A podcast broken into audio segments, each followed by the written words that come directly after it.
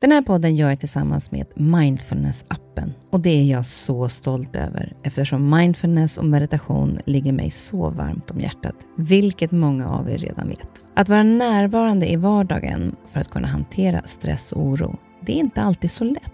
Då kan man ha mindfulness-appen nära till hands för att hjälpa dig när du behöver. För mig kan det vara så till exempel när det gäller sömnen, att vissa dagar då har jag riktigt svårt att komma till ro. Framför allt när det är mycket med jobbet. Då brukar jag använda mindfulness-appen och avsluta dagen med en avslappningsövning för att sänka stressnivån. Det gör det så mycket lättare för mig att somna sen. Oavsett om du kämpar med sömnlöshet, stress eller bara behöver en stund för dig själv så har Mindfulness-appen verktygen för att hjälpa dig att slappna av och sova bättre. Appen är utformad för att passa in i din livsstil med korta övningar som passar även de hektiska schemana. Som lyssnare till Nyfiken på så får ni 40% rabatt på prenumerationen av Mindfulness-appen. Länk till erbjudandet ja, det hittar ni i poddens Instagram, kaspersen nyfikenpa. Eller så går ni in på themindfulnessapp.com kristin. Välkomna till min podd Nyfiken på. Här får jag chansen att möta människor som jag är nyfiken på utifrån deras historia, kunskap och erfarenheter. Människor som jag inspireras av och förhoppningsvis kan vi med det inspirera er. Tack för att du är med och lyssnar. Den här veckan har jag besök av komikern, programledaren, bokförfattaren, regissören, konferencieren, manusförfattaren etc. etc. David Sundin. Ja, jag har haft äran att jobba med honom på Idrottsgalan 2018 och han är en av de snällaste och roligaste kollegor jag någonsin har haft. Han sprider så enormt härlig energi omkring sig. Och Det jag är nyfiken på är hur han som webbredaktör och ägde en av de mest framgångsrika webbyråerna plötsligt sadlar om och blir komiker. I år har vi dessutom sett honom som programledare i bland annat Bäst i test, Melodifestivalen och snart så är det premiär för Se upp för Jönssonligan där han spelar Harry. Jag är dessutom nyfiken på vad som är humor enligt David och hur blir man rolig? Eller är man bara det? Vet du, eh, en gång spelade jag in ett helt podcastavsnitt Nej, med, med så tre gäster och sen så skulle jag bara kolla hur mycket tid, hur länge har vi spelat in? Och så kollar jag på klockan så bara 000000 står det. Och min första tanke är så här, ja men det här kan jag fixa sen i redigeringen. Hur då? ja, så, jag bara, så jag fortsatte prata i tre sekunder och sen bara insåg jag, nej det kommer jag inte kunna göra. Så jag bara tryckte på räck och så sa jag bara, hej och välkomna, eh, vi börjar om. Och de bara, okej. Okay. Så har man, alla varit lite roliga, sagt lite sköna grejer och sen så bara, nej det föll, eh, för så får man försöka göra det om. Det är ju mardröm alltså. Ja, men, men nu, har man gjort den missen en gång, då är man ju så här, bra, det rullar, det funkar. Det liksom. ja. Välkommen David Sundin. Tusen tack. Fantastiskt härligt att ha dig här. Ja, men det är härligt att vara här skulle jag säga. Det var ju ett, ja, men det var ett tag sedan vi sågs nu. Du har jobbat en hel del måste jag säga. Hur har ditt år varit? Var det helt eh, galet? Det har tuffat på eh, kan man säga. Det har varit eh, både det ena och det andra, men eh, kul. Jag tycker det är kul att eh, jobba. I huvudsak tycker jag det. Det märks eftersom du har jobbat ganska mycket. Ja. Och väldigt eh, framgångsrikt. Men det är roligt att göra eh, roliga saker. Du har ju då liksom dels gjort Melodifestivalen och Det är Bäst i test och sen så Sommarprat. Mm. Och Jag ska helt ärligt eh, säga då, jag bokade in dig för att jag är ju nyfiken på dig. Vi har jobbat ihop ja. eh, och eh, haft äran att jobba med dig en gång.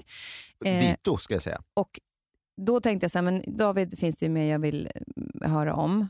Och Sen så bokade jag dig och du tackade ja. Och Sen så lyssnade jag på ditt sommarprat, för jag har varit dålig på att lyssna på sommarprat generellt i sommar. Och så säger du att du aldrig kan, att du säger väldigt sällan nej. Du säger, du säger gärna ja. ja. Och Då känner jag så här, gud, tänk om jag hade frågat honom och, eller, eller lyssna på sommarpratet först. Och du bara nice. Då hade jag inte vetat om du verkligen ville eller inte. Om du bara säger ja hela tiden. Är det så att du säger ja till saker som du inte vill? Ja, men det gör jag också ibland. Men det är mest för att så här, eh, man är ju glad att vara, någon har tänkt på en och sen så vill man inte göra den ledsen och besviken och de har målat upp någon bild. Jag vill ju att alla som jag frågar om saker ska säga ja. Eh, såklart. Och så vill man inte vara en sån som säger nej men det där verkar inte vara något för mig eller nu har jag lite mycket. Så man vill ju vara någon som, som ställer upp mm. eh, och någon som eh, är med. Um, och så vill jag inte göra, göra någon besviken. Så, men det oftast är att jag liksom, så här, oh, om det är att jag inte vill någonting, då kanske jag så försöker, om jag bara inte svarar så kanske jag löser sig, men det gör det väldigt sällan. Och sen så blir det för nära in på, då måste jag säga ja, för annars är jag jättetaskig. Och då säger jag okej, okay, okej, okay, vi kör, vi kör. Ja, och nu är du här. Ja. Och jag hoppas att du vill vara här också. Jo, men det vill jag. Det, jag kan, det ska jag vara ärlig med. Du vågar inte säga något annat? Nej. nej, nej. Eh, nu har vi gått in lite grann på vad du gör i år och, och din, din karriär, så, men jag tänkte vi skulle backa bandet. Därför mm. att det här med att vara webb, jobba inom webben, du har haft byrå, eh, reklamare. Mm. Eh, var kom det ifrån? Alltså, var, var det ditt stora intresse som barn? Och Nej, när du växte upp? det blev ett, fel, ett felskär eh, som eh, skedde och som eh, tog, inte tog 15 år av mitt liv, men jag, jag, hamnade, jag hamnade snett. Eh, på ett positivt sätt kan man ändå säga. Men jag, jag ville göra, liksom, jag ville hålla på med det som jag gör nu skulle jag säga. Eller det ville du som barn? Ja, men jag visste, utan att veta exakt vad, men jag hade nog liksom en känsla att det är åt det här, att det är någonting liksom publikt, göra grejer som folk ser och kan ta del av och liksom roa och underhålla. Så det var sånt som pågick i mitt huvud. Liksom. Och då gjorde jag redan då, i, när, jag var, när jag gick i gymnasiet, så höll jag på och gjorde en egen tidning som handlar om liksom, men, musik och underhållning och med intervjuer och texter som jag skrev och skulle göra, liksom, trycka själv och ge ut och så. Här. Men sen när, och det här var då 95, 96 och då så kom ju liksom internet och jag började så men vänta, vad är det här? Jag var, liksom, jag var datorintresserad, men jag var inte datornörd. Det hade inte slagit över fullt så mycket kanske. Men då så började jag liksom så här, men vad är det här? För att jag, så mycket hade jag förstått att man kunde liksom lägga upp grejer som andra kunde ta del av. Och då insåg jag, jag kommer inte behöva trycka den här tidningen, utan jag kan lägga upp den på det här internet och så kommer folk att kunna se den. Så då lärde jag mig göra hemsidor för att kunna lägga upp de här texterna och recensionerna och intervjuerna och sådär. Och då när jag kunde då göra hemsidor och det fanns ett jättesug efter folk som kunde göra hemsidor så sörplades jag in i det där eh, och sen så har jag väl någon entreprenörsådra som gjorde att jag sen då startade ett företag som just gjorde de grejerna och sen gick det eh, för bra skulle jag säga för att jag skulle sluta med det. Ja, det, det var, ni var i fem länder va? Ja, vi hade massa kontor och en massa anställda Eh, det bara eh, tuffade på. Det var ju väldigt svårt om man har anställt liksom, kompisar och eh, de som inte var kompisar hade blivit ens kompisar. Så det var en svår grej att liksom bara säga nu är det bra för mig. Det fanns liksom inget tydligt liksom, eh, läge där man kunde gå därifrån. Alltså som i ett eh, dåligt förhållande där man känner att så här, vad skönt det vore om jag inte var i det här förhållandet. Men det finns liksom inte den där tydliga, det är nog idag. Mm. Utan att äh, det, kan, det kanske blir sen någon gång. Och vad, var din, vad var din styrka skulle du säga? Var det skrivandet som... som för ja. det, det är du inne på redan från början, att du skrev mycket och att det var det som ledde dig in till Ja, men jag var re, liksom reklamare åt då copywriter-hållet. Antingen så är man kanske art director, håller på med form och design, eller så är det mer åt text. Det är det traditionella liksom, reklamupplägget. Så jag skrev mycket, eh, och, men också då kom på idéer och reklamkoncept. Och och så. Vi jobbade med eh, H&M, Absolut Vodka, Ikea. Och... Vad var det som gjorde att ni, just att du säger att det är företag i Sverige som jobbar mot världen? Var det att, ja, men då, har man dem nära, då har man dem nära, men ja. de jobbar ändå globalt och gör stora stora grejer. Liksom. Och vi hade kontor på flera ställen, vilket kunde ju supporta liksom, att vi hade, fanns i New York och Tokyo och Barcelona. Och mm. ja, ni var ju så stora och eh, framgångsrika, så ni var, ju, var på väg att nästan bli uppköpta där.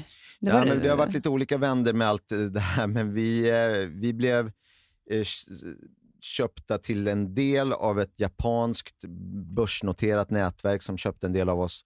Och sen så, eh, men sen köpte vi tillbaka det igen och sen så sålde vi det igen. Och så, det har varit lite fram och tillbaka. Men är du en typ av affärsman?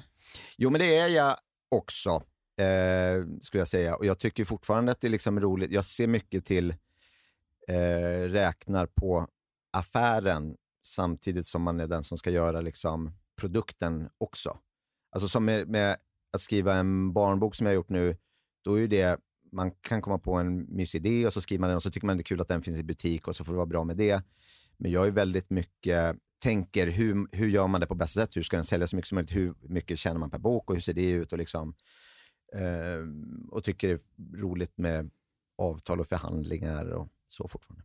Du gillar avtal och förhandlingar. Mm. Du förstår den texten som står i dem. Ja, men hyfsat skulle jag säga, utan att ha någon eh, djupare juridisk utbildning. Men jag eh, kan eh, intressera mig eh, för det. Men jag, jag, nu när vi kommer in på det, det är lite märkligt, men just det när man, när man får en, ett avtal, varför kan man inte skriva på svenska? Alltså det, är så, det är så komplicerat, så att det känns som att vi skriver det så komplicerat så att hon inte Ja. riktigt förstår och bara skriver under. Men typ, ibland känns det som att man ska, det är en fälla Ja, som man ska gå in i. Liksom. Det hade varit bra med ett försättsblad som att det innebär det här och det här, så är det på en femåringsnivå och så känner man det känns cool. det kan bli en barnbok nästa gång. Avtals... Alltså eh, ja. avtalsboken. Eh, Avtal jag lovar bebisar. Mm. att jag ska köpa den. Eh, men, men då när, när du hade det här jobbet och kände att du ville göra någonting annat, började du liksom glida över och jobba lite parallellt eller vara så här, nej nu tar det slut? Hur, hur gör man i ett sånt läge? För jag tänker att det är säkert många som någon gång kommer i och vill göra någonting Ja. annat.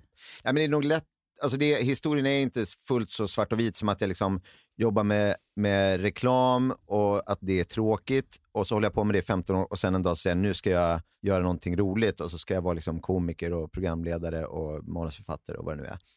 Uh, och att det var liksom från en dag till en annan utan vi gjorde ju alltså, dels kan man göra rolig reklam och man kan få utlopp för sina kreativa tankar.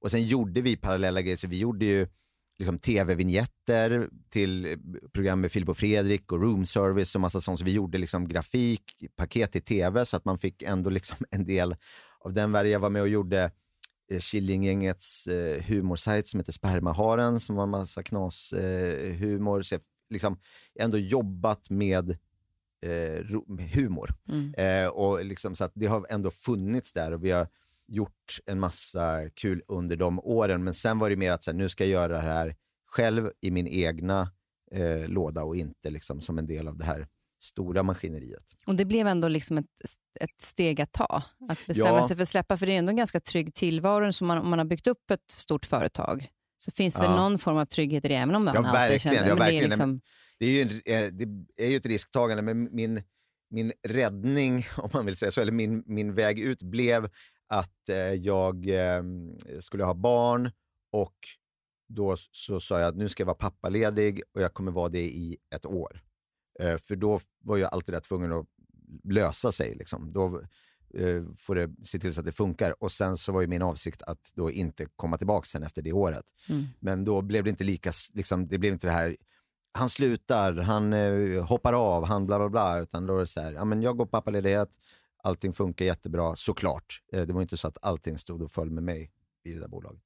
Så då, eh, men då var jag pappaledig och sen så parallellt med det så började jag liksom göra lite små grejer. Jag gick en standup-kurs och eh, skrev en del liksom, tv-prylar och sådär. Och sakta men säkert så kunde jag ha det som, som jobb. Men hade du humorn, alltså är det någonting du liksom är typ född med? Var du rolig redan som barn?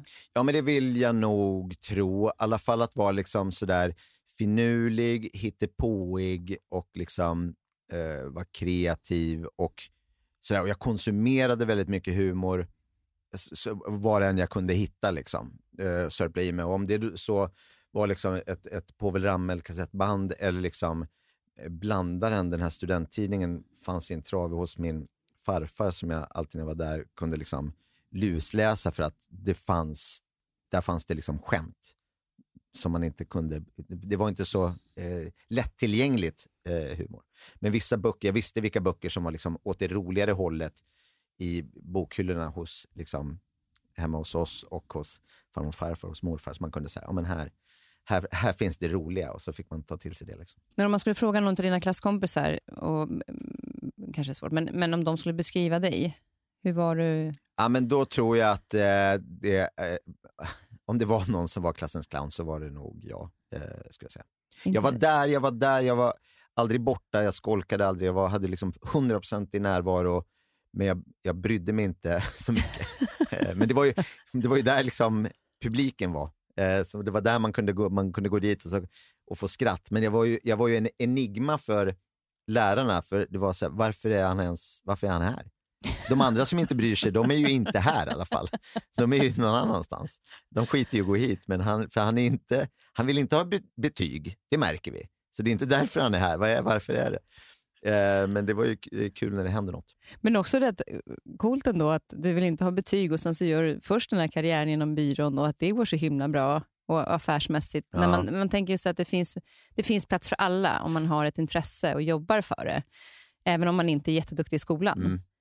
Men du gillade klassrummet med den publiken som var? Ja, men precis. De, de fanns där. Sen så insåg jag nog någon gång, jag har ett, ett eh, självförtroende att tacka för mycket, ska jag säga, som var att jag insåg att så här, de där betygen, jag kommer ju aldrig gå in någonstans och hej, hej, eh, här kommer jag, vill ni se på mina betyg? Jag har 2,7 eller vad mm. jag hade. Liksom. Eh, ännu lägre var det säkert. Men jag skarva, skarva uppåt. Men att eh, så jag, jag kommer aldrig behöva det där pappret när jag väl har fått det. Jag kommer göra andra grejer man, som inte är betygs... Eh, och också såklart till mina föräldrars förtret att säga, ja, men vadå, man ska plugga vidare. Så man säga, ah, jag kommer nog inte... Det är nog färdigpluggat för mig, skulle jag tro. Mm. Och då att säga det innan det liksom, kolla här, internet det är en helt ny bransch, en bransch som jag kan. Nu åker vi. Den fanns ju inte då, så det måste ju varit så här, men vad är det du ska göra? Ah, det blir, men det blir nog bra. Jag kastar mig ut lite. Ja, ja men det har jag, det har jag väldigt lätt för. Uh, och jag går från liksom idé till uh, dra iväg ett mejl, liksom, in, behöver inte vara många minuter. Jag behöver inte hålla på och grunna eller förädla någon idé, utan det kan vara liksom, jag har en rubrik, jag har en ruff tanke, fan det här skulle kunna vara bra, det här skulle vara kul. Vart ska, vart ska jag göra det? Vilka behöver jag prata med? Men det är de här, jag drar ett mejl, tja, vad, vad tror du om det här? Och sen så antingen blir det av eller så blir det inte av, men jag, jag är väldigt så, sätta igång saker. Det är direkt. ingen direkt plan längre fram, utan det är bara en känsla av att det här är en jävligt bra idé. Ja, precis. Och sen får, sen får den göras eh, sen. Eventuellt, eller inte. Ja. Eventuellt eller ja. inte. Ja. Eh, men, men just det, när du då började med, med humorn och började skriva manus, och sådär, vilka, vilka förebilder har du haft inom humorn? Eh, ja, men många är nog de som jag hade från liksom, allra, för jag, liksom, det man såg på tv, då tittade jag väldigt storökt på tv och de som var på tv och var roliga på tv.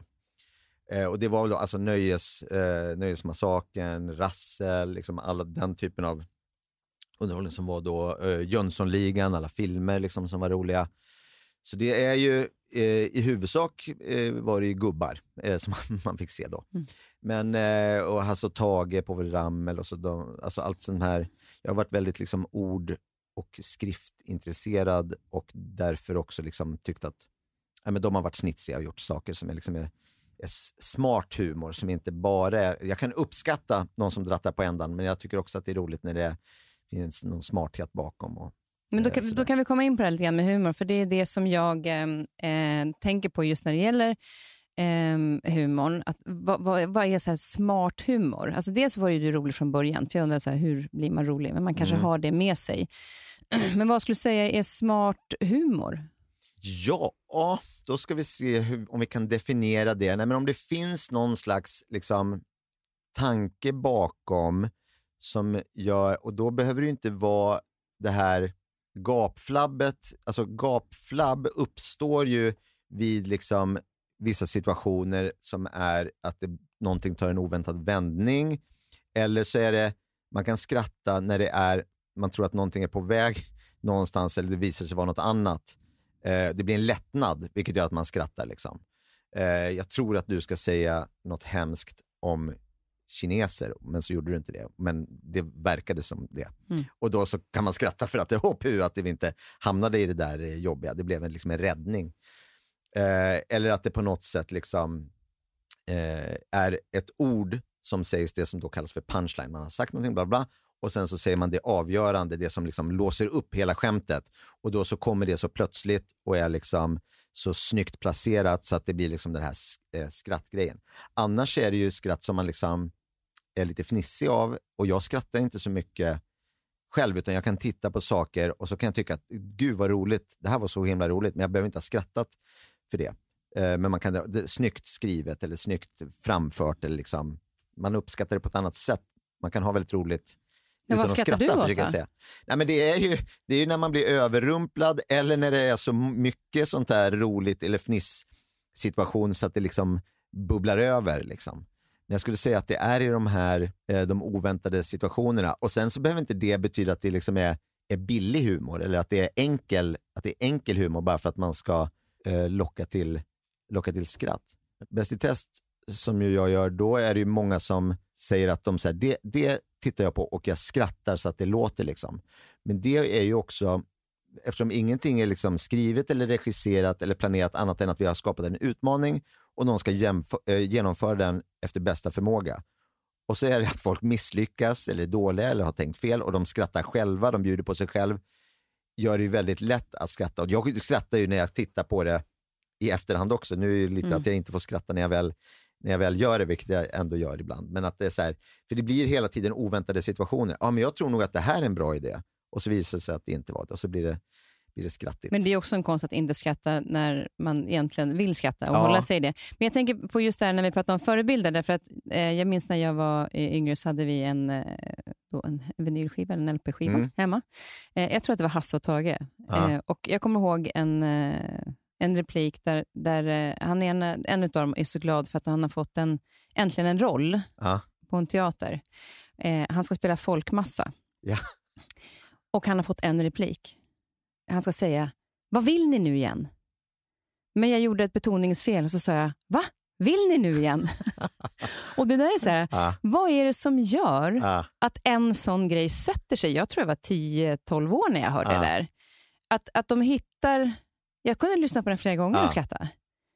Att just, vad är det som gör när man hittar de här små, eller små, alltså just de här underfundiga kommentarerna eller replikerna. Men det är en sån otroligt liten grej ju. Ja. Eh, att det bara så här, det är bara det, men det blir, det blir ju fruktansvärt roligt och att man får liksom måla upp lite själv. Hur, vad hände sen i den där liksom scenen och där på inspelningen? Man får liksom ta med sig och sen kanske det är någonting man säger, ah, men det tycker jag är fortsatt kul varianter på när det blir den typen av liksom, eh, betoningsskämt eller ordvits eller vad det nu är. Liksom. Mm. Vem, vem är din förebild eh, av alla de här fantastiska skådespelarna från den tiden? Alltså det är, jag tycker det är så svårt med när, man, när det ska vara en artist eller en bok eller en film. Men du får välja fler. En, eh, ja, men då kan man också rabbla alldeles för länge. Ah, okay. men jag brukar säga så här, så här det här är en topp tre eller topp fem eller topp tio någonting. Men sen så kan det vara eh, fler än topp tre. Man behöver inte liksom, eh, lista dem, men bara känslan av att så här, oh, det är något som är där uppe, men man behöver inte göra jobbet med att ranka allting. Liksom. Men, men eh, Gösta Ekman tycker jag eh, och tyckte och hela med liksom min uppväxt att det var ju liksom i allt eh, var helt eh, otroligt, både liksom i, i seriösare grejer och i allt det roliga. Och eh, ja, men alla, alltså alla mm. de där. Alla de där mm. eh, farbröderna, ja. som det var väldigt mycket då. Ja. Det är eh, härligt ändå tycker jag att det har kommit många svenska kvinnliga komiker. Verkligen. Eh, nu. Men, men när du började skriva så vet jag att du skrev det för Killinggänget och eh, Roast på, på Berns. Mm. När du började skriva eh, manus, vad var liksom... När, när du ger bort det manuset, för du säger att du själv ville stå på scen, kunde du ibland känna så att inte avundsjuka, men att fan, det där ville jag stå och berätta. Ja, men grejen är, jag tror också det har att göra med det här eh, självförtroendet och någonting om sig. Jag vet ju att det kommer bli så som, jag, så som det är i mitt huvud. Jag kommer att stå där en dag. Jag har inget problem med att skriva ett programledarmanus åt någon annan och den framför det för att sen kommer det ju vara jag som står där. Alltså jag tror, jag, du har vetat det hela ja, tiden? Ja, men jag har vetat det och jag, liksom, säger, jag, jag kommer inte göra det här för evigt. Jag har aldrig känt att oh, jag trampar i samma gamla hjulspår, utan det känns som det har varit liksom en, en framåtrörelse ändå i allting. Liksom. Sen om det här är liksom slutmålet eller inte, det vet jag inte. Men att jag, och det är fortfarande roligt och lärorikt. Liksom. Men jag skrev ju manus till Melodifestivalen i några år innan jag väl liksom fick leda det själv. Och att då att få leda det med den kunskapen att ha varit på den där turnén och ha liksom vet hur allting funkar. Det var ju sån otrolig trygghet och liksom, eh, kunna få göra det med de förutsättningarna och inte komma in och som ett, ett rådjur med stora ögon och vara rädd för allting. Liksom. Utan det, var, det tror jag var rätt bra att det liksom har gått lite i skolan först. Mm. Tv-skola. Men, men just när det gäller de här eh, manus, ehm, eh, att skriva manus och sen gå och göra en stand-up-kurs. Eh, mm. vad, vad fick dig att rikta in dig mot stand-up? Ja, men det var också så här, det lite konstigt och jag vet inte riktigt hur min hjärna fungerar i det. Men jag har tänkt, då under liksom, när jag höll på med reklam, så tänkte jag alltid så här, men jag kan alltid falla tillbaka på stand-upen. Om allting skiter sig så kan jag alltid falla tillbaka på stand-upen. Men det tänkte, jag hade ju aldrig gjort det. Jag visste inte hur man gjorde. Jag hade aldrig, aldrig stått på scen och var liksom i ärlighetens namn rätt rädd för att göra det. Men jag tänkte att så här, det där är lätt, jag kan, det där kan jag göra. Men jag, jag bara drog mig för att, för att göra det. Liksom. Och eftersom jag alltid hållit på och skämtat, alltså i möten så liksom, eh, har ju fått folk att skratta på middagar, man har gäster och liksom så här, åh, har ni hört min den här historien? Och så drar man den och det, liksom, det är stand-up för man har dragit den så många gånger och vet precis hur man ska lägga orden för att skratten ska komma på rätt plats. Men skillnaden är så stor mot att eh, liksom fejda in i standup eller lura folk att eh, få göra sin standup mot att verkligen gå till ett ställe, folk sitter med armarna i kors, det är en lampa, det är en mikrofon och så säger de okej, okay, vad har du som är så kul? Eh, varsågod liksom. Och så ska man stå där, eh, vilket ju är det mm, liksom, läskigaste som finns på ett sätt, men också tycker jag tjusningen med hela liksom, konstformen, om man får eh, kalla för det. Så, så tänkte jag i mitt huvud att så här, ja, men det kan jag göra eh, sen. Och så, eh, liksom, men så fort jag tänkte på att jag faktiskt går upp på en scen och tar den där mikrofonen och folk sitter där, då började, fick jag ju kallsvettningar. Och liksom, hade inte du scenskräck? Jo, eh, var liksom, jag, var ju, jag var ju livrädd för att jag skulle gå upp och då, då, och då slog jag bort de tankarna och sa ja, det, där, det får bli sen någon annan gång. Liksom.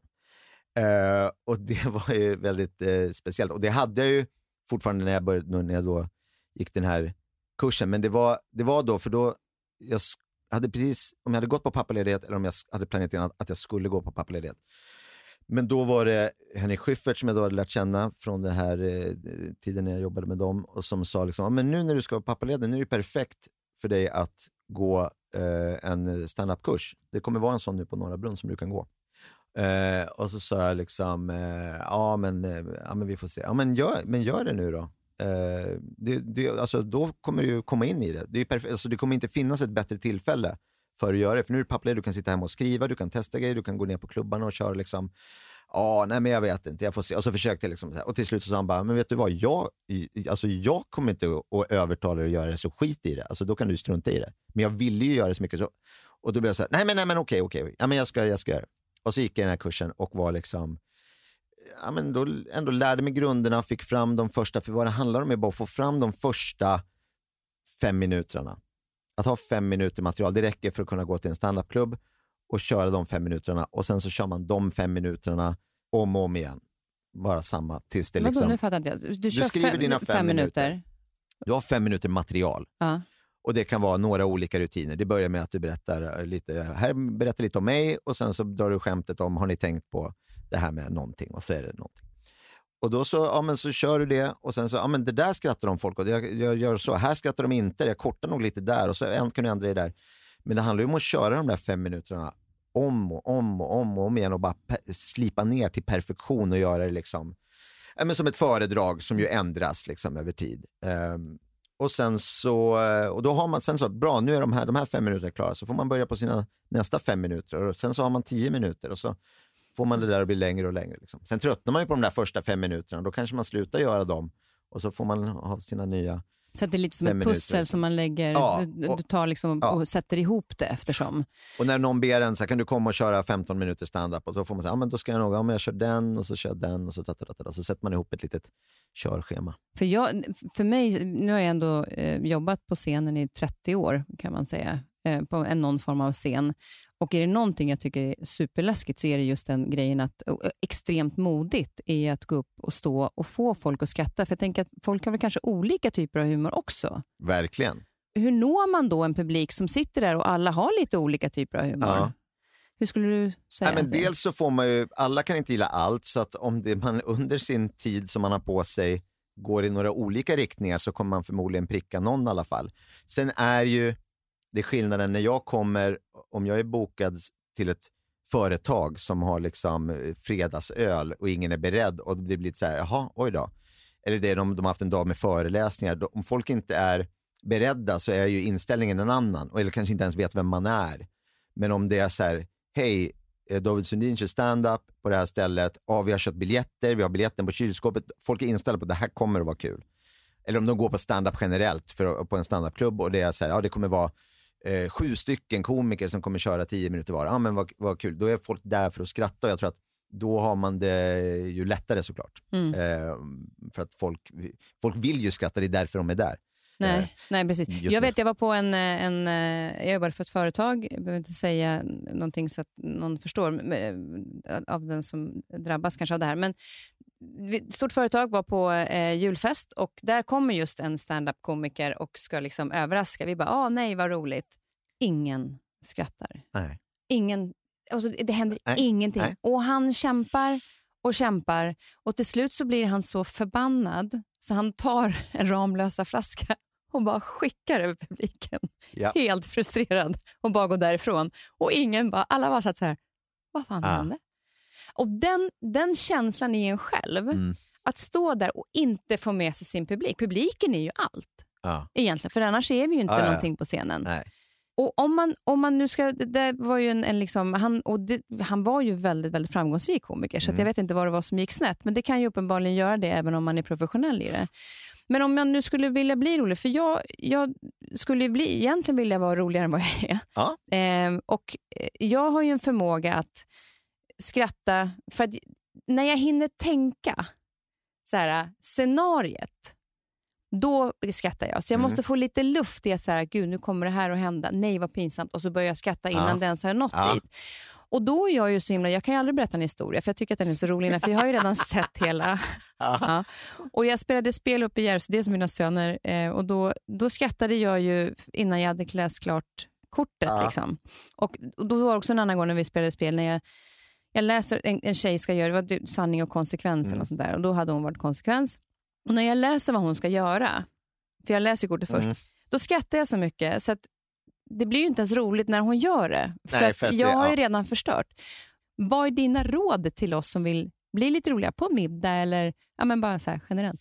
Nej, men man ska nog liksom, det är ju jättesvårt såklart. Mm. Och alla måste ju inte vara roligare, eh, roliga heller. Men, men man kan ju ha den känslan att man vill det. Men det, det bra är ju att ha det som då motsvarar liksom standardrutiner. Det är ju ens eh, historier, att få dra en historia. Och då kan, det kan ju vara en historia man har hört. Eller liksom, men det behöver inte vara en klassisk rolig historia, för det är också lite konstigt. Så här, har ni hört den om prästen och norrmannen och bla bla bla. Men att det är liksom, man har sina sådana där och sen så kommer det in på, någon säger någonting, ah, bla bla lumpen. Oj, lumpen, har jag berättat om eh, när jag gjorde lumpen? Nej, det har jag inte. Ja, och sen så går den, eh, går den igång. Och den förfinas ju hela tiden. Det är ju så med ens anekdoter att de där liksom slipas till och får säga, ah, men vänta, om jag, berä- om jag, nu glömde jag säga det där, det ska jag nästa gång så blir det sådär. Alla har ju sådana utan att tänka på det. Mm. Att sådär, liksom, ens guldhistoria och som jag säger, du, du, du, kan du inte berätta för dem, de har inte hört det där om när du liksom sket på det på tunnelbanan. Okej, här kommer den. Och så får de dra den historien. Liksom. Så att det, det är ju allas vårt stand-up material som är liksom historier som, och det behöver inte vara roliga, men som är intressant historieberättande. Liksom.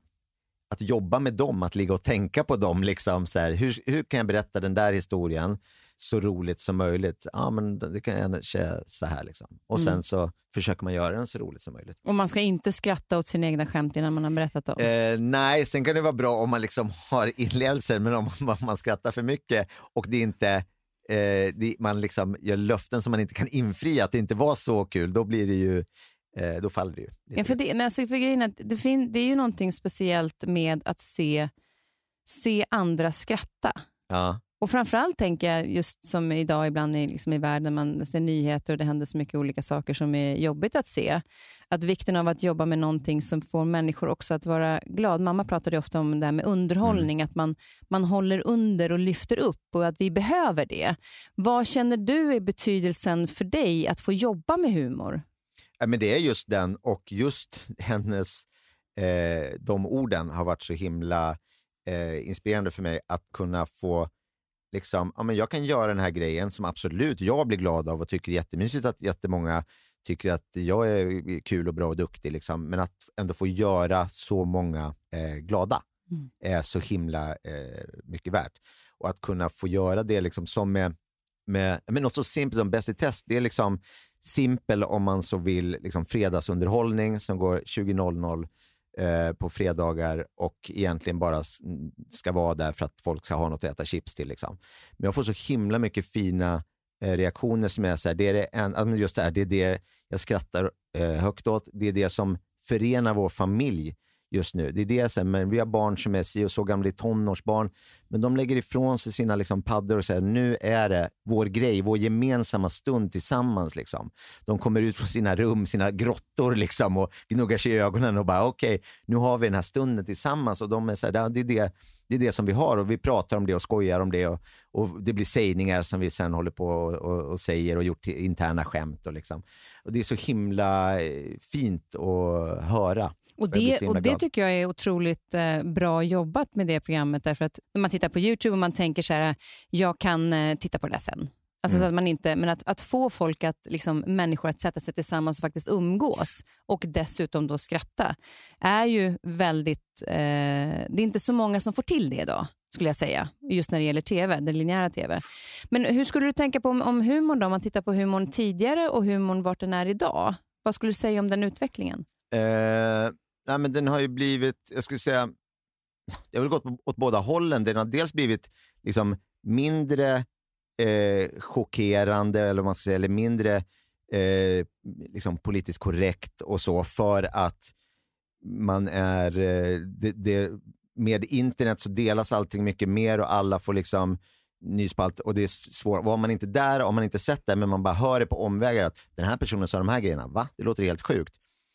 Eh, så åt ena hållet så är det så och sen så finns det liksom då åt andra hållet så att det har blivit mer chockerande för vi måste tänja på gränserna av så här, om vi har, eh, nu är det här inte roligt längre i den liksom genren, då måste vi gå vidare till nästa, nästa nivå. Liksom. Så det är lite ytterligheter skulle jag nog eh, säga. Men det där är ju svårt också, det, det påverkar ju mig också. Jag kan ha någonting som, ja, men det här är liksom roligt, för jag skojar, även om jag har liksom om det, nu vet jag inte om det är så, men om vi leker med att bilden av mig är liksom, ah, han är snäll, han eh, drar inte liksom några dåliga, fula eh, skämt om liksom utsatta människor, eller vad vi nu eh, säger. Men det gör jag ju, men jag gör det på ett sätt där det liksom, där jag kommer undan med det, mm. jag säga. Och folk inte vet om det. Jag, jag skämtar om jättemärkliga grejer, liksom, eh, och som är hem, alltså hemska grejer, men jag gör det på ett sätt också där man, så här, men man belyser att det där finns och folk kan tänka till. Men om man verkligen tar så här, om det skulle vara en rubrik, David Sundin skämtar om de här grejerna.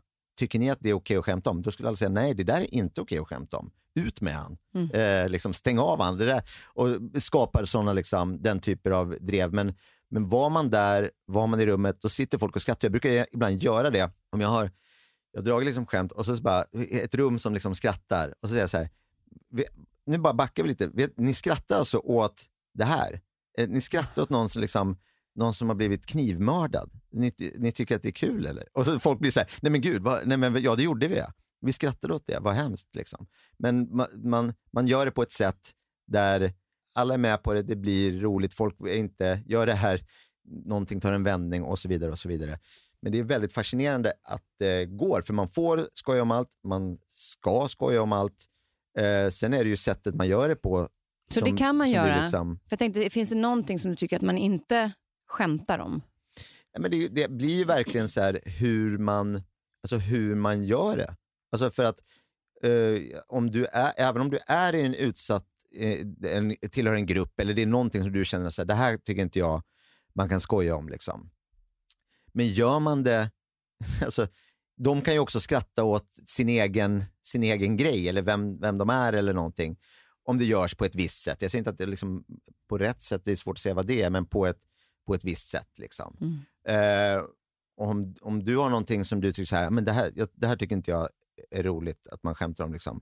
Jag är säker på att man kan göra det och att du skulle skratta åt det. Liksom. Vilket är, och, och man kanske skrattar, ibland brukar man säga att jag skrattar inte åt det, jag skrattar med på ett annat sätt. Istället för att man skrattar åt någon som har det jobbigt så skrattar man mer om i situationen. Förstår du skillnaden då? Ja, men precis. Att det inte är... Ja, och det är, ju, det är ju den grejen, eller man skrattar åt hur, abs att, hur absurd den här situationen är för den här gruppen människor, eller de som är på ett visst sätt, eller den här grejen. Att det, liksom, att det är det som blir... Just det, inte att de är i den, Nej, utan precis. att den är situationen eh, att, det liksom, att den är konstig. Jag skämtar om att eh, liksom, David Isak sitter i, i fängelse och har gjort det i jättelänge och kan liksom göra humor på det när det är eh, en jättetragisk situation för en person, en familj och för, ett, liksom, för rättväsendet, inte vet jag, och har gjort det i hur länge som helst. Och det är så här, men gud, det där är, inget, det är inte humormaterial där. Men tro mig, det går. Det går. Ja. Och på något sätt också så, så lyfter det upp ämnet så att ämnet inte Ja, heller precis, försvinner. Och det precis. tycker jag också är en, eh, det som är briljant också inom humorn, att när man tar upp sådana saker så vi får inte glömma. Vi måste, det här måste ju lösa Ja, sig. men och, precis. och så lyfter man det på rätt sätt så påpekar man ju också att det här problemet kvarstår. Är det liksom, kan det vara sådana ämnen som du tänker på också ibland? Att, Ja, men verkligen. Att, så här, det, det är ju fort, det är ju, om det är någonting som finns eller det är något som har hänt så är det ju, om man, om man belyser det genom humor så, så finns det ju fortfarande. Mm. Och det är i alla fall inte så här, det är inte sopa undan-läge. Så det finns ju absolut en funktion i det också. Mm. Men om man, när man är komiker och eh, har en otroligt skön humor, är det så att folk alltid förväntar sig att man ska vara rolig? Uh, ja, men så kan det vara lite. Men jag tror att jag, så som det har varit för mig, så har ju jag, eftersom jag alltid har varit så och haft liksom så här, åh, jag vill, jag vill roa, jag vill underhålla och varit liksom, så har jag kanske snarare att jag har varit det för mycket än att jag har varit det för lite. Och att, jag tror inte folk har samma som den här som kan säga så här, ja, och den här personen som jag tyckte var så rolig, jag träffade den, men det var inte alls, eh, var inte alls den var inte så kul.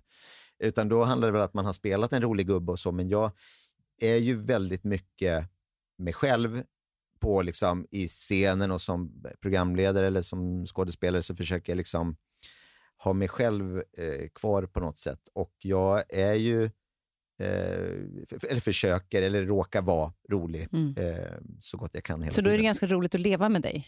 Ja, men jag hoppas det i alla fall. För jag, jag, jag tycker att det finns liksom ingen, ingen misär eller någonting som man inte kan skratta åt och allting är mycket roligare om man eh, har roligt eller gör så roligt som möjligt. Mm. Så även om det är liksom, men nu är det för mycket, nu känns det tufft och så, att inte skoja då, det skulle ju vara förödande för allting. Liksom. Så att det, och sen kan ju det vara, slå fel också såklart, så bara, men nu, det är inte läge eh, nu att skoja, men jag tycker nog att det ändå är läge. det är ändå lite Ja. läge. Eh, du och din fru, eh, pratar ni mycket? Ja, men det skulle jag säga när tillfälle ges. Mm. Men jag är lite... eh, Alltså, ja, det gör vi, men jag, jag är dålig på att prata liksom... Det är ju motsatsen då, alltså, eller vad jag säger, heter det, mot, eh, det dåliga med att eh, man vill att det ska vara roligt hela tiden, är att jag är väldigt dålig på att liksom, prata om allvarliga saker Mm. på ett allvarligt sätt. Men ni pratar mycket ändå om roliga saker. Och, eh, för jag tänker, vad, vad jag egentligen kanske var dåligt eh, väg in på den här grejen, men eh, ni fick en fin bröllopspresent som jag tyckte var väldigt eh, var härlig. Jag vet inte om ni har använt den än, men jag har läst att ni, att ni fick en bröllopspresent att ni skulle åka på en sån här tysthetsläger i 48 timmar. Ja, Betyder det att ni pratar så mycket så att de tyckte att ni skulle vara tysta? jag tror att det här, det här fick ju jag av mina kollegor i Jönssonligan och jag tror att de upplevde kanske att jag eh, pratade lite mycket eh, och att det kunde vara bra för mig och min fru att eh, framförallt jag är, är tyst i eh, två dygn och testa på det. Så att, ehm, Har du gjort den? men vi har inte gjort det än. Nu, nu blev det liksom eh, pandemi så vi har skjutit det här framför oss. Men vi har kvar, eh, vi har ett datum som vi puttar fram lite hela tiden. Men jag ser faktiskt fram emot att eh, göra det. Om jag nu, men det är också farligt. Alltså, jag går inte till typ så naprapater eller massör eller så. För jag tror att om man gör det en gång så öppnar man upp någonting som gör att man måste gå dit hela tiden. Jag går inte till psykolog för jag tror också att om de råkar krafsa hål på någonting i hjärnan och det börjar rinna ut svart sörja, då kommer jag få, liksom, det blir för dyrt. Då får jag vara, alltså då sitter jag där hela dagarna. Så att jag, det där försöker jag hålla borta. Jag tror det här också kan vara en sån grej att det kan vara farligt kanske. Tänk om man är, om alltså man är tyst för länge. Att det liksom, Att du skulle gilla det? ja, eller att man har råkat tänka, man råkar tänka klart dåliga tankar. Jag vet inte. Jag fattar vad många tankar Ja. som, ska, som får liksom bara vara fritt hela tiden för att du Ja. inte avbryter dem genom att prata. Men jag undrar vad reglerna är. Man har ju såklart inte mobil och så. Jag skulle inte ha något problem alls att vara tyst. Det är inte det. Om man sitter och alltså jobb, jag skulle kunna jobba två dygn på raken utan att prata. Det går ju jättebra. Men om man inte har det, men man måste ju i alla fall få ha papper och penna och skriva ner. Alltså för tänk om man kommer på, för det är min panik, jag antecknar allting, varenda Så fort det är någonting, ett litet frö till en, en, vad som kan vara en bra idé eller bara en, kul scen eller en kul, ett skämt eller ett roligt ord eller någonting så skriver jag ner det alltid hela tiden för jag vet att annars så pyser det iväg och så vill jag kunna gå tillbaka och hitta och sortera dem där. Alltså, absolut slänga också det som var skräp men, men eh, det måste ner för att det ska liksom Du får smyga fastna, in liksom. ett papper och penna Ja, annars. och gå runt. En papper och penna. Ja, precis.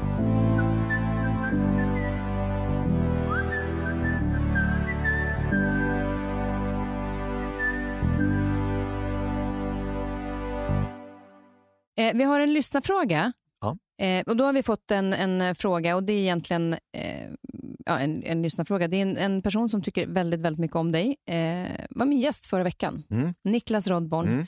Och när jag sa att du skulle komma hit, då vet han bara lyste upp hela han och sa det är den roligaste människa jag vet. Eh, och då sa har du någon fråga till honom? Ja, ja, absolut. Jag vill ställa en fråga till honom. Tjena David! Niklas Rodborn heter jag. Jag har en fråga till dig. Eh, när känner du dig som mest bekväm och roligast? Jag är redan ett stort fan så jag tycker du är roligast jämt. Ha kul och ha det så bra. Ehm, alltså som två olika, Ja, alltså så här, eh, och det vet jag inte riktigt, utan det är så här, när, det är som, när du känner dig som roligast eh, och när du känner dig kanske bekväm i en situation, antingen om det är på scenen Ja. eller när du, när du det här känner nu är jag hemma, det här är... ja, men jag, jag skulle säga att det är, jag känner mig som roligast när det verkligen är nerkokat i sin mest kondenserade form, vilket är på en, liksom, en stand-up-scen när jag står, det är liksom, det är bara en tom scen, det är en mikrofon och en lampa och sen så är det x antal liksom ögonpar som bara tittar på en och, och lyssnar på en och är där för att man ska eh, vara rolig och man säger saker och de skrattar eh, åt det. Mm. Och man säger många saker på eh, raken så att liksom, de hinner inte liksom, hämta andan riktigt för att det liksom, man, man toppar skrattet med nästa skratt och så bam, bam, bam.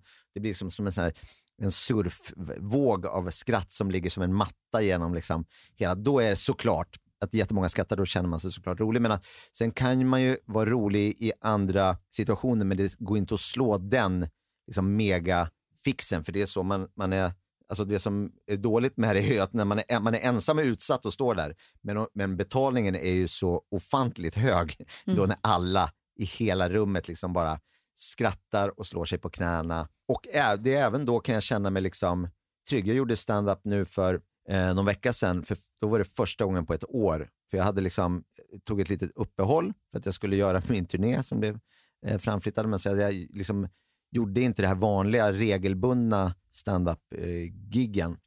Och sen så eh, blev det pandemi och eh, jag har inte gjort någon standup. Så jag, jag kollade i min kalender och det har faktiskt gått då ett år. Någonting som jag höll på med hyfsat regelbundet och något som jag älskar att göra. Och så skulle jag göra det och det, då hade jag eh, panik. Eh, och blev, jag kände igen, de här känslorna kom tillbaka. Bara just det, det är så här nervös känns. Eh, för att det var liksom, jag hade puls och gick runt och vandrade fram och tillbaka och var liksom lite stissig sådär. Men när jag väl kom upp där och började prata och även om jag, alltså jag var dåligt förberedd, jag kom inte ihåg allting, jag sa fel på grejer, jag hamnade snett och så. Men jag kan stå där uppe och jag kan ändå vara liksom, trygg eh, i det och jag vet att eh, jag kom, alltså det kommer bli kul. Det här kommer bli kul. Och om, och, om det är så, även om jag, det är så att jag, jag är dålig och, just, och råkade göra ett, ha sönder ett skämt, jag råkade säga i fel ordning så att det, jag fick inte den här slutgrejen, ja, men då kan jag göra det kul. Alltså, så att Ja, du är så trygg i det ja, idag. men jag är så trygg att jag kan rädda de situationerna och så här, att jag bara jag, jag ska föra oss mot liksom, skrattet i slutändan. Liksom. Men, men betyder det då, för att här är du liksom inte, du säger inte riktigt förberedd och så, är du ofta förberedd och allting har gått igenom noggrant eller är du väldigt också free basen, alltså så här free Ja, men nu blev det ju nu blev det ju det för att jag, och där är också så här, men det, jag har ju något stråk av liksom av eh, lathet eh, och något, eh, alltså, och, och också så här, eller inte lathet, men att inte ta i de här jobbiga grejerna. Att liksom säga, men det där, det där får bli sen. Det där, den dagen, den sorgen liksom, på den här prylen. Eh, och, för, och så istället håller jag på med någonting som eh, Eh, är något som sker om ett år eller något som inte kommer ske överhuvudtaget. Jag fick en kul idé på liksom, en, en, en bok eller en film och så började jag skriva på den istället för att lägga tiden på det här som jag ska göra i övermorgon. Ska jag stå på scen och liksom Eh, men, då, men då fick jag det handla om det, att så här, ni har kommit hit, ni har köpt biljetter, ni, ni kanske har klätt, ja, ni har inte klätt upp er så mycket, men ni har i alla fall klätt upp er, liksom, ni har klätt på er i alla fall. Och så står jag här, jag har inte förberett mig, snudd på oförskämt. Tycker ni? Alltså, så började jag hålla på med det och så, så blir det liksom, blev det roligt och knasigt. Och sen så bara så här, okej, okay, nu ska jag försöka komma ihåg någonting som jag har gjort. Liksom. Stand-up skulle egentligen kännas naturligt att någon kommer upp och säger så här, här är lite roliga tankar från mig, fast det är planerat in i minsta detalj. Liksom. Eh, och nu blev det, jag var öppen med det och så, så här, nu kommer jag försöka komma ihåg någonting som jag sa för ett år sedan. Vi får se hur det går. Och så blev det jätteroligt för att jag, så här, jag läste i tidningen häromdagen, började med, och så bara fick jag ja, det här var ju då över ett år sedan eh, såklart, så jag fick liksom göra om allting i realtid också. Allt eftersom jag sa det. Så det, liksom, det blev ju ett, ett, ett speciellt eh, gig. Men jag hade roligt, det kändes som de hade roligt och jag började mjuka upp min liksom, scenvana igen. Mm. Och du är bekväm med publiken, för den, den pratar du om. Och, och jag tänkte komma till det för att Eh, dels är det ju det här du säger, när, när publiken skrattar och så hinner de inte skratta klart förrän de, nästa skratt kommer. Ja. Vilket jag älskar ju när det händer, när, man, när jag skrattar så mycket så att jag inte får luft. Typ. Det är ju drömmen. Eh, jag gick och lyssnade på ditt sommarprat när jag var ute och gick runt Djurgården.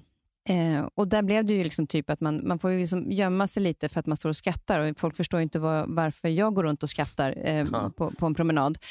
Eh, sen blev det lite en väldigt speciell situation därför att eh, du berättade ju om, den här, om din eh, pungkula då mm. och eh, hur de då, du var till läkaren och så skulle de titta och det här har de aldrig sett förut. Kan någon annan få komma in och titta? Mm. Och du som det inte hade kan... blivit väldigt stor ska vi säga till dem Exakt, den ena pungkulan ja. var väldigt stor och eh, läkaren tittade på den och sen så, oj, den var jättestor, ja. så då tog de in någon annan. Och... Det här vore kul om några fler fick se, Exakt. Ja. Och så, så kom det in en hel klass och sådär. Och, och precis när jag går och lyssnar på det där och går och skrattar så kommer jag till en plats vid Djurgårdskanalen som jag ofta sätter mig vid och eh, spelar en låt, eller så här, sitter och pratar med mamma. Mm. Eh, för vi bodde där i närheten när jag var liten och där jag kände att det är en plats där jag kan, här i Stockholm, vara nära henne.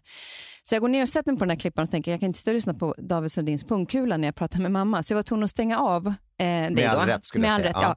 ja. Även om hon säkert hade skrattat också. Mm. Eh, och så satt jag där en stund och så spelade den här musiken som jag tycker om.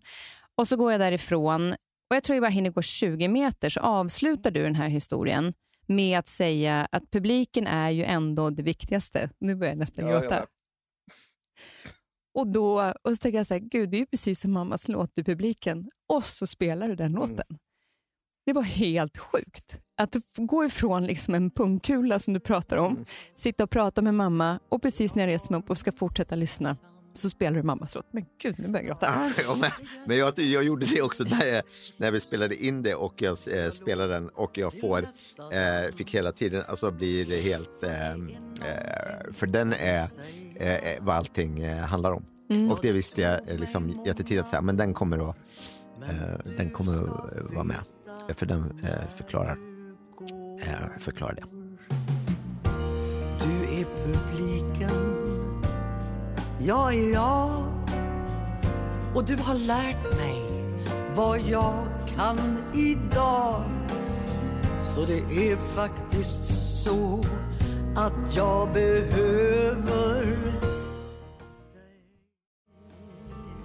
Och där, där någonstans så tycker jag att, att um, det säger väldigt mycket om, om dig, att du lyfter din publik i det du gör. Um, vad, vad, känner du att du skulle vilja säga till din publik?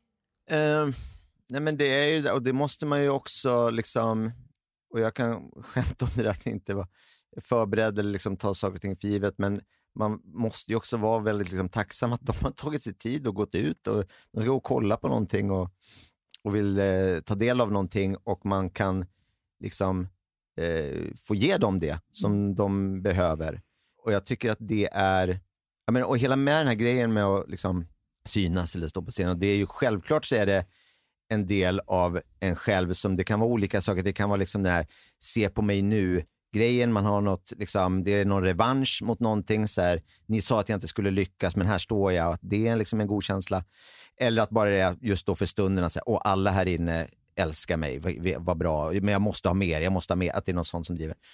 Men jag tycker ändå att det liksom är något en stor del av det är faktiskt att kunna göra, och det, är så, det är ju också väldigt klyschigt, speciellt nu när jag försöker säga det, men att, att ändå få göra det där, att hålla under, eller att kolla vad, vad roligt ni fick idag. Liksom. Och de, de grejerna, alltså just det där som är bäst i test att få de där grejerna, med, ja, med reaktionerna på mitt sommarprat var också så, bara, jag har haft en skitdag, jag lyssnade på det här, fy fan vad kul det var. Eh, jag, blev, jag, jag, fick skratta, jag fick bli rörd, jag fick liksom allting. Stort, stort tack. Bara välder in sånt där. Liksom. Och då är det så ja, men det, det är ju liksom på ett sätt kul för mig, men jag gjorde ju det för en massa olika personer. Och med, menar, med min barnbok nu fick jag också så himla mycket reaktioner på så här, jag och mitt barn har fått en sån himla fin stund tillsammans där vi fick liksom eh, hjälpas åt att läsa den här boken.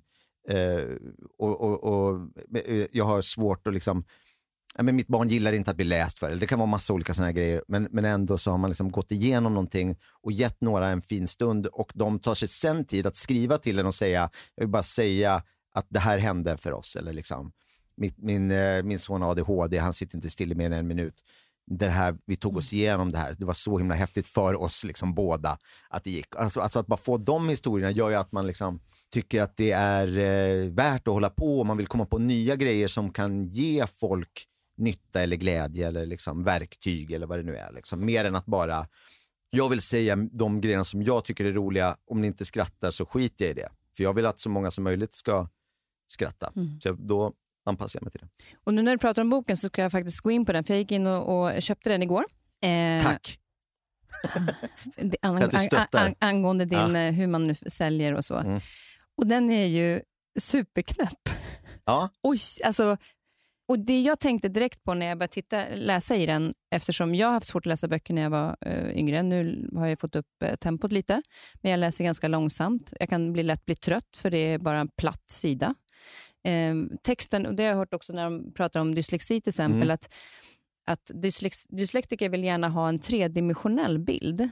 Men att bilden, när texten mm. är bara helt rak, så är det ingenting som poppar. Ah. Eh, och då, det blir bara en jämn grå massa. Precis. Liksom. Ah. Och jag vet ah. en gång när jag eh, skrev ett manus eh, som, till ett event och så skickade jag manuset så att de kunde printa ut det, för jag hade ingen skrivare. Och Då skriver hon till mig att jag tror att du har gjort något fel på, det är något fel på texten här. Nej, nej, nej, det är absolut som det ska. För då har jag så här, feta bokstäver, ah. jag har liksom kursivt någonstans. Så att jag, och Då kom jag på att jag gjorde ju bilden tredimensionell. Det är så du navigerar igenom. Liksom att, Precis, ja. det kan inte bara vara jämn text. Och så ser jag den här boken, där, där boken den flaxar. Eh, det är en sida som det står så här, Eh, för nu blev texten mindre och mindre och då blir ju texten mindre och mindre och det var knappt så att man kunde läsa vad som stod i boken. Så ser jag hur jag liksom för boken närmare ja. ansiktet, vilket jag gör nu, för annars kommer jag inte se vad som står. Man ser inte så smart ut när man tittar på en bok jättenära och då står jag inne i bokhandeln och så verkligen titta tittar på den. Jag bara, nej, jag ser Just inte det. jättesmart ut. Och att det här att boken kan flaxa liksom. Och, då, mm. och, och vilket enormt underfundigt sätt att få barn att vilja läsa. Jag går fram till kassan och ska betala. Eh, mannen bakom kassan tar boken eh, lägger, och så står en man bakom mig. Och så ropar han, säger han till killen i kassan, du, kan inte du mejla David Sundin och be honom skriva en till bok? Och Jag bara vänder mig om och tittar på honom, för då ska jag träffa dig idag. Det här, ja. här går. Jag bara så här, förlåt att jag lägger mig men, men har du läst den? Alltså Den är så rolig. Och Min dotter hon älskar boken. Så oh, det enda wow. hon säger nu, när, när kommer nästa bok? Ah. Och Då sa jag, men då ska jag framföra det till David, för jag träffar honom imorgon och ska intervjua honom. Han bara, ja, ja, gör det. Min dotter är helt galen. Hon hon vill så himla gärna ha en till bok. Eh, så du har uppenbarligen verkligen nått ut och just det här att du får barn att vilja läsa som kanske inte vill läsa eller sitta still eller röra sig samtidigt som man läser.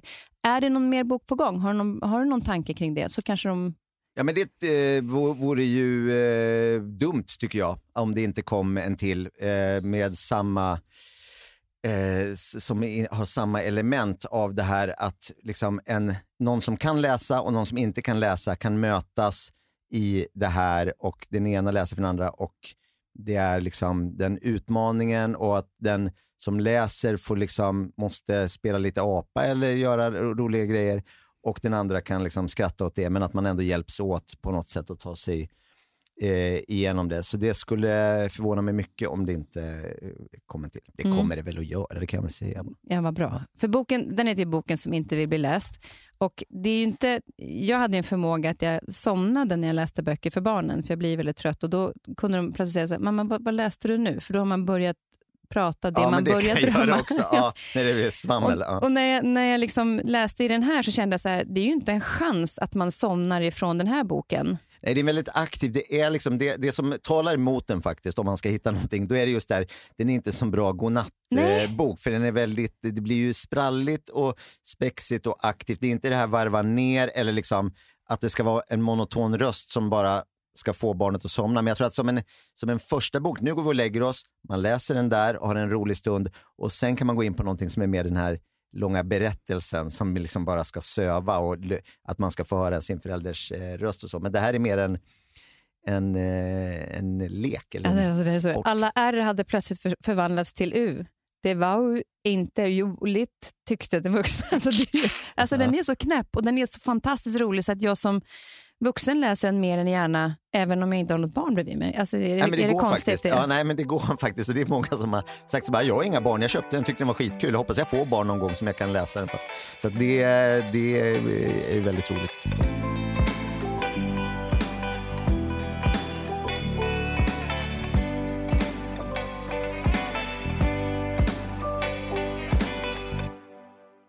Jag tänkte så här, du, eh, innan vi går in på vad, hur hösten ser ut. Och, eh, jo, men först, det vill jag ju prata om också. Det är så mycket jag pratar med dig. Mm. Du har ju också liksom fått en huvudroll i en, en film. En av huvudrollerna i Jönssonligan. Ja. Nu går du in på den banan också. Alltså, du är programledare, man, alltså, du är ju så många olika saker.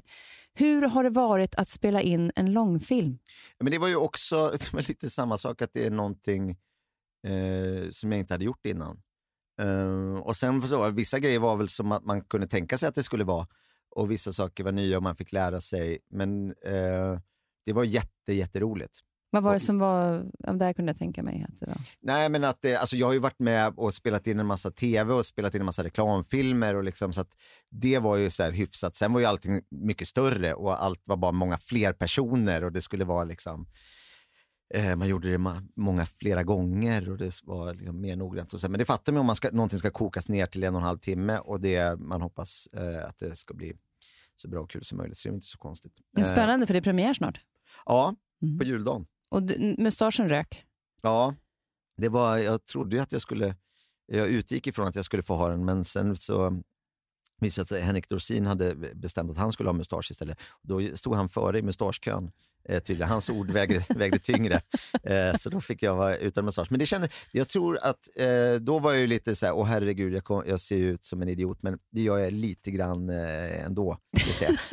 Nej, men att jag, men jag, tänk- det som jag fick ändå en känsla av att så här, man, nu går- gör jag den här rollen. Mm. Alltså, nu gör jag en annan jag är, det hjälpte nog till lite att så här, vara en annan gubbe och att så här, jag är inte exakt eh, mig själv, även om det finns liksom massa likheter. Så, För det tänkte jag faktiskt på när, när du sa det på, i sommarpratet då, att mustaschen rök. Och så gick jag in och kollade på trailern. Och då tänkte jag så här, men gud, vad, det är ju inte David nej, det var, tog ett tag innan du ens fattade Nej, det. nej, nej, men alltså det blev inte du som person. För du är ju så mycket din egen person i alla andra saker du gör. Mm. Utan här var det ju, eftersom du såg lite annorlunda ut, så blev det liksom att du blev en roll på ett Ja. annat sätt. Det var lättare att ta in dig som Harry än att jag ser dig som min gamla kollega David som gjorde Melodifestivalen nyligen. Så på ett sätt tycker jag faktiskt att det var och väldigt spännande att se det utan mustasch. Eh, du, en annan sak är Mm. att du får vara nyfiken på någonting. Ja, Ja, och då skickade du till mig och berättade att det handlade om sömn. ja. Eh, och det har jag, eh, jag har börjat eh, på, det är verkligen den här senaste tiden. Jag fick tänka, sen är jag nyfiken på en massa eh, saker hela tiden. Men när jag verkligen så här, när jag fick frågan så är det det som upptar min tid just nu. Men det är för att jag har börjat sova, eh, ja, men inte sova dåligt, för när jag sover så sover jag, men jag sover för lite, alltså för kort tid, antar jag. För Mm. att det är inte sj- sju till åtta timmar. Och jag har haft, jag är liksom morgonmänniska, så att jag liksom har somnat i hyfsat god tid ehm, och då, kunnat, då har jag vaknat tidigt och då är jag liksom på gång. Och då är jag dels mm, är jag fascinerad över varför vissa inte är det, så är jag kvällsmänniskor och vissa är morgonmänniskor. Och sen så är jag, eller, och, och, och så här, då, det här blir också att jag blir nyfiken på vad är stress och vad är Eh, vad, är liksom, vad är ens nivåer av vad man klarar av och så. Och jag har ju sagt, dum grej att säga, men jag har ju sagt att jag liksom är eh, skottsäker mot eh, stress och att jag inte kan bli utbränd. För om jag hade kunnat bli det så hade jag blivit det för länge sedan. För att jag har haft pucklar som har varit större, större än det här. Men, men det behöver inte vara sant. Det behöver inte vara att man mycket, det kan ju vara något annat. Och det vore ju eh, nedrigt för mig om det visar sig att jag... Men, men är det liksom då att du somnar senare och fortfarande vaknar tidigt? Nej, jag, eller var, att jag skulle säga att jag, var, jag ska somna tidigare. Alltså när, när jag lägger mina barn vid liksom åtta och de somnar väl kanske halv nio, då somnar jag också. För att då är jag liksom, på grund av att jag som, vaknade för tidigt. Och sen så sover jag då fyra, fem timmar, som ju är eh, förmodligen då för lite, vilket innebär att jag vaknar vid, vid två på natten eller tre på natten. Och så vaknar jag och så är jag jättepigg och så säger kroppen, det är go time. Och istället då för att eh, somna om, vilket jag liksom försöker med, så håller man på med mobilen. Jag- Det är inte så heller att jag går upp och faktiskt gör grejer, för då hade jag ju kunnat skapa storverk säkert på de här timmarna tills alla andra vaknar. Men då ligger jag liksom och tänker att så här, men jag somnar nog snart. Och sen helt plötsligt, och så blir klockan fem och så blir klockan sex och sen så ringer den och sen så är det en ny, en ny dag liksom. Och så har man bara varit vaken i, i fyra timmar. Så att, ehm, och så är man paj, Eh, b- b- börjar man krokna tidigare på dagen. Liksom. Så nu ska jag ska gå och köpa, nu direkt efter det här, ska jag köpa en sån här liksom, sömnmätare också för att veta också. För ibland så det, kan man uppleva att man sover för lite. Jag har haft en sån, jag har haft en sån här mätare förr. Och, och då hade jag en tid där jag upplevde att jag sov för lite, men sen fick jag se att du inte sovit för lite. Och då blir man liksom pigg av att bara få veta det. Ja, jag, har, exakt. jag har sovit, ja. men vad bra, då kan jag.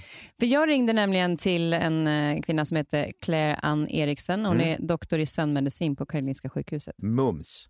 Och hon, det är bra att du tar upp det här med stress, därför att det är oftast en orsak till när man sover sämre och mindre. Därför att du kommer inte ner, när du somnar så har du ju liksom kanske, i stressen har du då olika ämnen, alltså du har kortisolet då som är stresspåslag, Mm. eh, stresshormonet som, som ligger, men också man kanske har druckit, liksom, man har koffein i kroppen eller olika eh, stresshormoner som gör att det är svårt att komma till ro, eller framförallt att du sover inte den här djupa sömnen. Nej. Och det är djupa sömnen som man behöver 45-60 minuter, framförallt i början när du sover. Mm. Och kommer man inte in i den så återhämtar man sig inte riktigt. Och när de här ämnena inte sjunker så blir det att du lättare vaknar Ja. tidigare. Eh, det gör ju att det kan vara en form av att det kanske är en, en, en stress som ligger där som gör att du vaknar. För jag tänkte så här, man kanske inte kan somna. Och Då sa hon att nej, men du kan lika gärna vakna tidigare därför att inte du har balanserat de här Nej. ämnena. Sen finns det det här med morgon, morgontrötthet och kvällströtthet eller morgonpigg och kvällspigg. Det har mycket med att melatonin att göra. Melatoninet är som är sömnhormonet som Mm. utsöndras när det blir mörkt. Det kickar igång tidigare på vissa. Det är ett exempel på varför. Ja. Massa, och då blir de trötta tidigare på kvällen. Om de Ja, får ett det. Ja, melatonintillskott det, då. ja, ja. Eh, och sen när man vaknar på morgonen då och är pigg, då har den avtagit tidigare på andra. Det kan, det kan vara ett av de orsakerna till att man är morgontrött eller morgonpigg. Jag var inne på att, för jag då till exempel som är hyperaktiv fick höra att man under sömnen så kan liksom, du vara aktiv fortfarande i drömmar Ja. och så vidare. Så att du går inte riktigt ner i kanske kortisol eller de stresshormonerna du har. Så att när du vaknar, när du kickar igång sådär, då får du ju tillskott på kortisol. Det är jätteviktigt att vi har stresshormon. Ja. Det är bara det att vi är dåliga på att balansera det. Och jag tänkte säga, jag kanske ligger lite högre och så blir inte min kick så hög för att jag inte går igång. Och Det ska vi grotta in oss. Och I och med att det är så många som undrar över det här med sömn också, så kan jag säga att jag bokade in henne nu till Mm. hösten i ett avsnitt. Oh, wow, vad kul. Så att, kommer du på fler frågor, Ja. eh, men titta på stressen, för det Ja. är en, en, en orsak. Jag tror att det är jättebra att du tar en klocka, för så ser du om du får de här djupsömn, Just det. att du i alla fall får Långa 45. block liksom. Ja, det är framförallt i början. Ofta så går du ner i djupsömn Ja. först. Och där, eh, du ska få ungefär 45-60 minuter för att få den riktiga djupsömnsåterhämtningen. Ja. Sen ligger man ju och pendlar i REM-sömn. Det är då du drömmer, när man sover lite lättare. Men anledningen till att du kanske vaknar är att du inte riktigt kommer ner och att du Mm. ligger då och pendlar ganska högt. Och Det kan ju då vara stressrelaterat. Och jag försöker göra är ju att jag har, men det kanske jag har gjort en, en eh, hittepå för mig själv, att det är liksom en positiv stress. För nu säger jag så här, vi har slutat, avslutat liksom en inspelning. Jag har, det är inte så att jag har liksom så fyra grejer om dagen eh, som det har kunnat vara, att man bara flänger från ställe, ställe till ställe. Utan det, det, är lite, det är lugnare, liksom. men att jag har så mycket möjligheter. Det är massa saker som är under uppstart. Det är massa saker som ska hända framåt som jag ser fram emot. och jag har också fönster där jag kan hitta på, här kan jag göra vad jag vill, här kan jag komma på någonting som jag skulle kunna göra. Och att jag ser, alltså att det blir Alltså, Då är ju hjärnan mer aktiv nästan än att du har lagt ner det på bordet och det blir någonting. Ja, men att det är liksom så här, det, jag håller på, det är mycket tankar, men det behöver inte vara, det, jag mår ju inte dåligt av det. Nej, men måste ha, man liksom, göra det tror du? Alltså, Nej, det kan ju vara stress, är ju stress. Stresshormonen Ja. är ju en, en, ändå en Den tar ingen stress. hänsyn till. Sen, sen tror jag så, Ja. såklart att det är bättre om man, man har en positiv, här, för då är du ändå glad eller du mår bra, Ja. än att den är negativ. Eh, men, men så är det också som, som lyssnar som skulle vilja ställa frågor gällande sömnen så eh, kommer vi att ha ett eh, avsnitt i höst och ni får jättegärna mejla in frågor på nyfikenpa at perfectdaymedia.se eller gå in på vår Instagram, Kaspersen understreck. Eh, Det ska jag göra, vad spännande. Ja, men då kan du fundera lite mer på det, Ja. för då får du jättegärna komma med fler frågor. Tre, avslutningsvis, tre bästa tips för att dra ett skämt. Eh, plats, plats och tidpunkt är två eh, väldigt bra grejer. Är man på fel plats eh, och ska dra ett skämt, det har jag gjort jättemycket grejer. Till exempel kan jag berätta att barnmorskor inte är, eh, tycker inte att det är kul med, med skämt. Varför Eller, inte ja, det? det tycker de ju vissa såklart. Ja. Jag ska inte dra alla över en kam. Men just i liksom eh, vissa situationer så eh, kan det vara. Det finns liksom en, en, en tid och en plats eh, för allting. Eh, och eh, det tredje, så tiden, platsen och sen är det väl, ja, antar jag själva eh, skämtet och vad det nu må vara. Det är väldigt svårt att, eh, svårt att sätta fingret på vad det är. Säga. Och inte skratta åt sina egna skämt först. I, I allt för stor utsträckning. Så den är jag, ju, den är jag, den är jag bäst på. Ja. Ja, så det, jag är ingen, ingen standup-komiker. Tack snälla för att du, du kom hit. Nu ska vi ta, jag tänkte, brukar ju alltid bjuda på fika och då, eh, när vi gjorde Idrottsgalan så skickade de ju ut så här mail. Vad vill ni ha i er loge? Mm. Eh, och jag skrev då såklart så här, frukt, eh, juicer eller någonting. Ja, Och, eh, och då svarade du på samma mejl, där det godis och läsk. ja. och, det, och då, bara där bjuder du på skratt. Men idag var det så här, nej men eh, svart kaffe och vatten. Jag köpte i alla fall med mig råfotboll och chokladboll. Jag skulle precis säga det, det där är råfotbollar och det ser jag. Ja, fast det är två stycken som är chokladbollar. Ja, Så, att jag då tänkte, så, att du, så att du vet att det finns både och. Det är lite av varje. Stort tack för att du kom hit. Det var ljuvligt. Ja, men det var fantastiskt att ha dig här.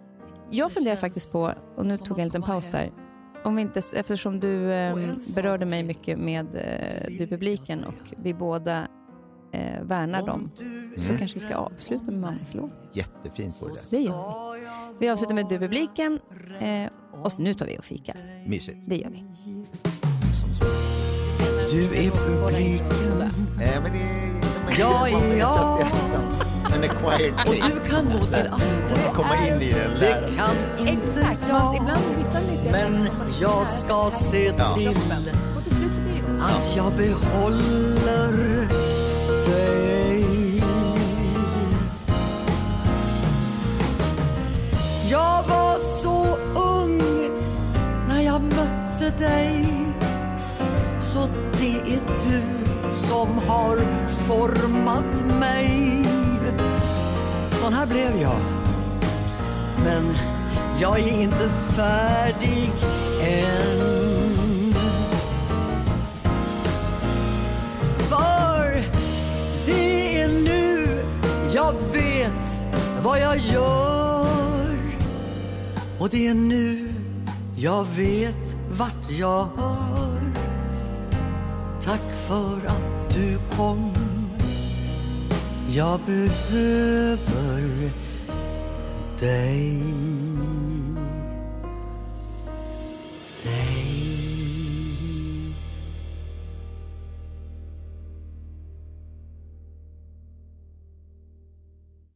Den här podcasten är producerad av Perfect Day Media.